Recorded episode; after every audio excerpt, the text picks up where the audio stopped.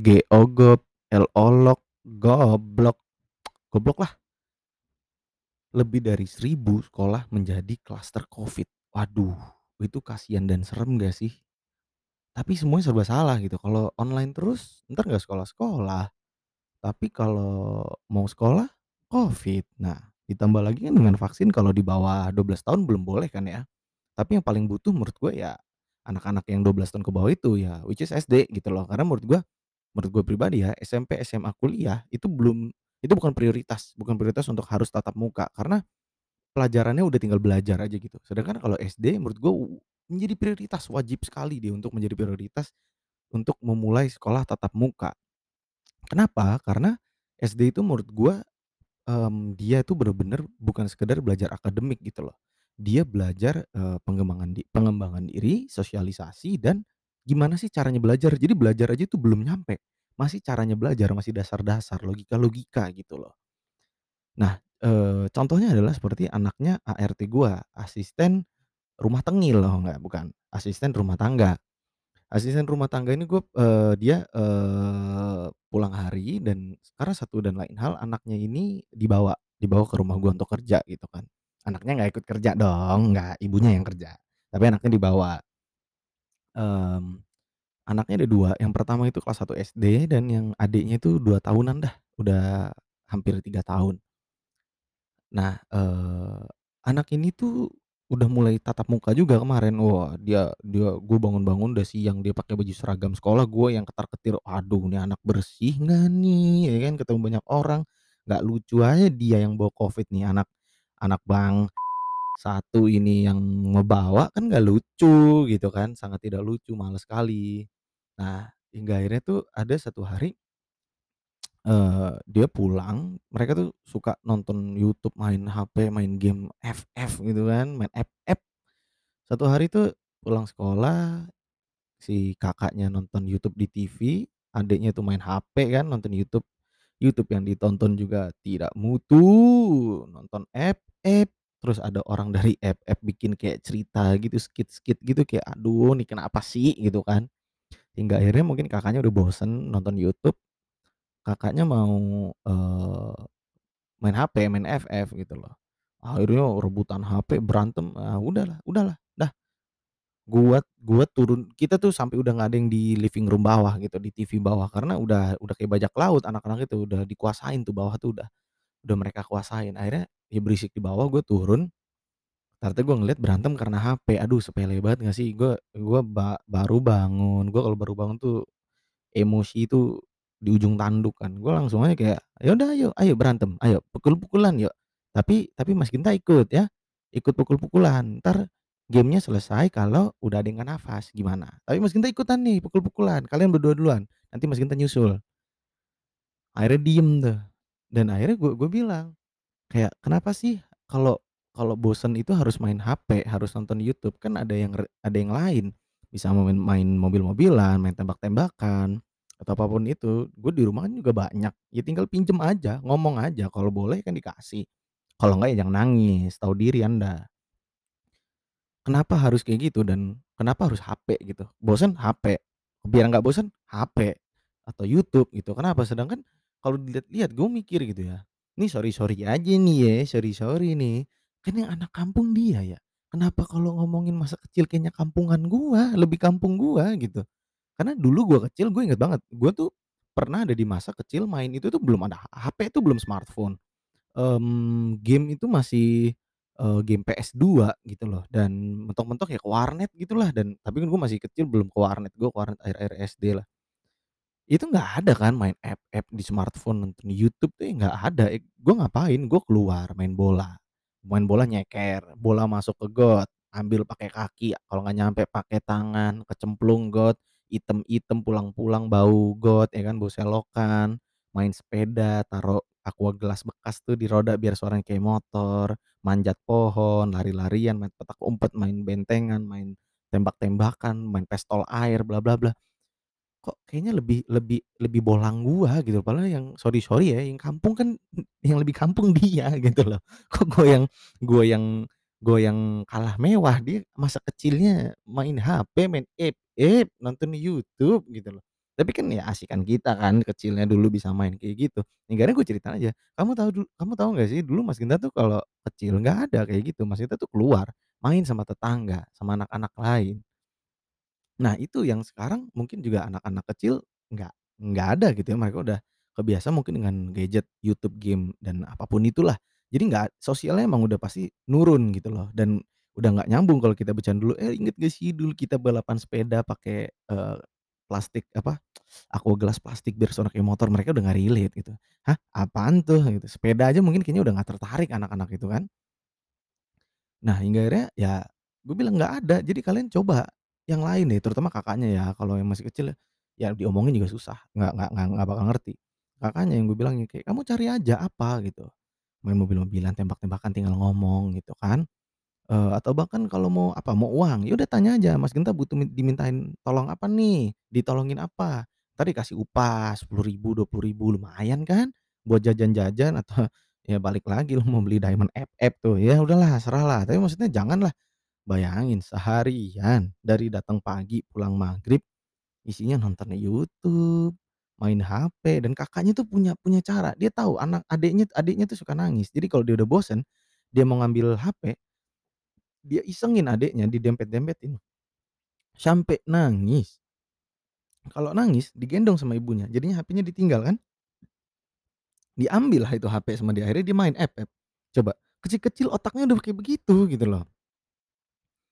Kan ya Allah, saya kecil tidak ada seperti itu, mentok-mentok, eee, "Papa mau beliin eee, beliin mainan, nggak boleh," nangis, udah paling gitu. Nggak ada tuh otak-otak licik dajal kayak gitu kan belum ada. Ini hanya untuk sebuah HP, untuk main game FF lagi gitu kan. Nah, ini akhirnya berhubungan juga dengan si soal sekolah. Jadi karena gue habis ngomong, "Kamu ngerjain yang lain apa kek," gue suruh dia untuk ngerjain, eee, latihan-latihan aja, belajar gitu kan, pelajaran sekolahnya. Eh ternyata tapi nggak bawa bukunya dia. Akhirnya gue cari aja tuh buku-buku gue dulu gitu kan, karena kan nggak tahu, gue sih dulu punya ya dan sering baca buku yang buku cerita atau kayak buku yang ada ngerjain-ngerjainnya gitu yang dicoret-coret. Anak sekarang kan nggak ada kayak gitu deh kayaknya. Nah, gue dulu ada kayak gitu kan, akhirnya gue ambilin, ada salah satunya yang masih bersih, belum maksudnya belum dikerjain tuh ada majalah Bobo gitu kan. Gue kasih aja majalah Bobo ke dia, "Ya coba kamu kerjain," gitu kan. Gue suruh dulu dia baca, baca, eee, cerita kan. Misalkan contoh, Budi menelpon Andri untuk pergi ke stasiun menjemput bapak gitu, dia bacanya aja masih, Budi menelpon Andri untuk pergi, alah alah, kok masih gitu bacanya? Gitu kan, terus gue tanya, "Coba baca dulu sampai selesai nggak papa pelan-pelan." Dah dia baca selesai, terus gue tanya, "Maksudnya apa tuh bacaannya?" Dia nggak ngerti dong tuh. Jadi bisa baca, nggak bisa-bisa banget juga sih, tapi terus juga nggak ngerti apa yang dia baca. Ya Allah, ya Tuhan, ya ampun, kok bisa ya kayak gitu ya? Ya, kan miris ya, maksudnya oke mungkin bacanya belum lancar okelah, tapi kok bisa sih nggak ngerti gitu loh. Akhirnya, "Ya udah ya udah, kamu kerjain yang lain deh." Akhirnya gue suruh kerjain mencari, eee, perbedaan, tahu nggak sih? Ada 2 gambar yang serupa tapi tak sama, yang ada perbedaan-perbedaan. Dia nyarinya susah banget, padahal itu bobo dan itu gua gua yakin deh, bukan bukan karena, "Ah elah Ta lu udah gede makanya lu anggap gampang." Enggak, ini yang kelihatan banget gitu loh, yang talinya besar-besar gitu, gambar talinya besar-besar, yang kiri ada 3, yang kanan ada 2, yang kanan warnanya biru, yang kiri warnanya pink, kan kelihatan banget, nggak mungkin enggak gitu. Dia sangat sulit menemukannya, kan gue kayak yang, "Astagfirullahaladzim," namanya Ian kan, "Ian Ian, anak Ian, nak ini gini nih, lihat, ini warna apa? Biru, ini pink." "Iya, beda nggak?" "Beda." "Terus kenapa nggak ditunjuk?" "Emang ini gimana sih caranya?" Loh loh loh loh. Jadi balik lagi, dia nggak ngerti. Hingga akhirnya pas gue jelasin, dia ngerti, baru akhirnya, "Oke, berarti bedanya apa?" "Oh ini nih Mas Genta, yang kiri 3, yang kiri 2." Ah itu, ya udah lanjutin. Dah akhirnya selesai. Hingga akhirnya pindahlah ke permainan, TTS. Menurut gua, anak kecil kelas anak kecil kelas 1 SD belum ngerti TTS wajarlah ya, tapi ya itu masih TTS gampang dan gua ajarin dia, TTS tuh mainnya gini gini gini, dan TTS itu, temanya adalah kendaraan. Nah, gua nah gua, ajarin dia, "Ini kendaraan ya, oke kita cari kata kendaraan." Di barisan pertama tuh ada nih, U-A-E-M-O-B-I-L US. Jadi ew ew eh eh e e eu ah, ngomong apa ya, a, u, a, i, u, Eumobilus misalkan, E-U-M-O-B-I-L-S eh, U-S gitu, ah, sama aja gua ngomong nggak jelas. Eumobilus gitu kan. Gue bilang, "Oke, kamu baca aja dari ujung ke ujung, Eumobilus. Oke, di tengah-tengah itu ada apa? Ada kendaraan apa yang kamu bisa baca?" Eumobilus, diulang-ulang terus, aduh ya Allah, apa, ada kendaraan apa? Eumobilus, Eumobilus apaan ya kan. Akhirnya gue bilang, "Udah US-nya hapus, jadi tinggal Eumobil. Oke baca, Eumobil, ada kendaraan apa di situ?" Berkali-kali dia ulang lagi, Eumobil Eumobil, ya Allah. Nggak ya Allah, gemes bener nih gue nih sekarang nyeritainnya juga, astagfirullahaladzim. Eumobil, apa itu? Ada apa di situ? Kendaraan apa? Nggak tahu nggak tahu. Itu loh mobil, EU-nya ilangin, Eumobil, berarti apa tuh? Mobil. Oh, nah barulah dia, oh oh oh. Nah udah akhirnya baris kedua, baris kedua kosong tapi sengaja gue biarin dia mikir kan, oh ternyata dia dia bener, nggak ada. Oke, entah bener, kebetulan bener, apa emang dia nggak ngerti juga lagi aja kan. Akhirnya ada baris ketiga tuh ada kapal. Akhirnya udah, sama kejadian kita di awal yang mobil. Berkali-kali diulang, dia nggak bisa dong nemuin kapal itu. Aduh, bingung lah gimana ngajarinnya kan, gue bilang, "Udah kamu baca dari ujung ke ujung, kan kedengeran kamu ngomong apa." Entar kedengeran kan, misalkan Selukapaliu, nah apa tuh? Kapal, nah oh kapal berarti, oh, nah oh lagi, oh, nah. Oke yang lainnya, tetep aja diulang-ulang nggak ngerti lagi. Dah, bah udah dah dah, banyak bacot gue bilang, dah pindah ke permainan berikutnya gitu. Itu masih bermain loh, bukan soal gitu kan. Akhirnya ada sepeda-sepeda gitu, gambar sepeda, terus jumlahkanlah, hitunglah jumlah jari-jari sepeda yang ada di bawah. Jadi kayak misalkan di misalkan di roda depan ada 3 jari-jari, di yang roda belakang ada 4 gitu. Jadi 3 tambah 4, 7 gitu kan. Nah, dia ngerti tuh, dia ngerti gue suruh hitung. Tapi dia entah kenapa dia punya cara sendiri yang menurut gue sedikit aneh dan tidak efektif aja gitu loh. Misalkan 3 tambah 4 tadi ya, dia gini caranya, dan dia ini dia omongin ya, dia dia apa tuh, dia lafalkan gitu ya. 3 di kepala, 4 di tangan. 3 tambah 4, 4, 5, 6, 7. Dan begitu terus, setiap setiap soal begitu terus. Udahlah lama, nggak efektif, bacot lagi kan berisik, 3 di kepala, hingga akhirnya gue udah gemes kan, dia dia ulang lagi tuh misalkan, 4 di kepala, gue potong, 4 di kepala, kepala dipotong, gue bilang gitu aja. Barulah dia diem. Gemes aja gue kan. Akhirnya gue bilangin, gue ajarin tapi, gue ajarin kan, eee, "Iyan, nggak usah kayak gitu, eee, gini aja, udah nggak usah diomong dah, 3-nya taruh di kepala, terus jari kamu 4, terus kamu hitung 4, 5, 6, 7. Nggak usah pakai 3 di kepala, nah kelamaan kayak gitu." Nah akhirnya dia coba, nah bisa. Akhirnya gua gua latih lagi untuk cara yang lebih, eee, advance lagi kan, advance tuh. Gua latih dengan caranya bilangnya gini, "Dah, 3-nya udah biarin di kepala, nggak usah kamu sebut, terus kamu misalkan tambah 4, kamu kamu pikir aja, setelah angka 3 tuh angka berapa, terus kamu 4 kali ngitung. Oh berarti 4, 5, 6, 7, nggak perlu pakai jari-jari. Oh, ya ya ya ya." Dia coba. Akhirnya bisa, walaupun lama, tapi ya udah, nggak apa-apa, wajar kan. Hingga akhirnya suatu saat, gua kasih contoh, "Coba 6 ditambah 4, nggak perlu kamu taruh di tangan dan nggak perlu kamu omongin." "Oke." "Coba kamu hitung setelah 6 berapa?" "7." "Nah berarti kamu hitung 4 kali." "Oke, 7, 8, 9, 10." Ah, oke itu udah bener kan, tapi masih dilanjutin sama dia, "11." Nah tapi kan gue masih positive thinking dong, oh mungkin karena kelewatan 1 okelah ya, kelewatan 2. Tapi enggak, 11, 12, 13, 14, nah udah masuk 15 udah ngejek ini kan. Dia nggak ngerti tapi ngejek gua. Dia nggak mau ngomong males tapi dia ngejek aja kan. Dia udah 13, 14, lima nah udah nyampe 15, oh udah kesel gue bilang, "Jancuk, cara genah iki." "Nggak bener nih anak nih kan." "Apa kok sampai 15? Nggak mungkin kan." Gue bilang gitu "Nggak mungkin kan sampai 15, coba yang bener, 4 kal di 4 kali dihitungnya, 7, 8, 9, 10." Nah itu bisa, kenapa tadi sampai 15? Nah cengengesan aja dia, "Mmm, untung anak orang ya kan, untung anak orang." Dah lanjutlah, gue tanya, "2 tambah 3 berapa?" Dia hitung, "5." "Oke." Gue balik, "3 tambah 2 berapa?" Dihitung lagi, gue bilang, "Nggak perlu dihitung Yan." 2 tambah 3 itu sama aja kok kayak 3 tambah 2 jadi hasilnya sama-sama 5. "Oh gitu, iya." Gue tanya lagi, "2 tambah 3 berapa?" Diulangin lagi sama dia, dihitung lagi. Ya kan ya kan tadi udah ya 2 tambah 3 tuh 5. "Oh, jadi 2 tambah 3 berapa?" "5." "Oke, 3 tambah 2?" Dihitungnya lagi, astagfirullahaladzim, ya kan? Gemes banget gua. Nah tapi akhirnya terus gue ulang-ulang terus, 2 tambah 3 itu kan 5, dah kamu kamu simpen di otak, kamu hafalin. Dan 3 tambah 2 tuh sama, itu cuma angkanya aja dibalik, jadi sama-sama 5. Gue ulang terus, 2 tambah 3 berapa, 3 tambah 2 berapa, 2 tambah 3 berapa, terus terus terus sampai akhirnya dia nangis, mungkin capek dan mungkin ya mungkin takut ya. Ya pasti takut sih sama gua, kayak gitu gua cara ngajarnya kan. Dia nangis, akhirnya gue bilang, "Ya udah nggak apa-apa nangis, salah nggak apa-apa, salah tuh nggak apa-apa, tapi jangan bodoh."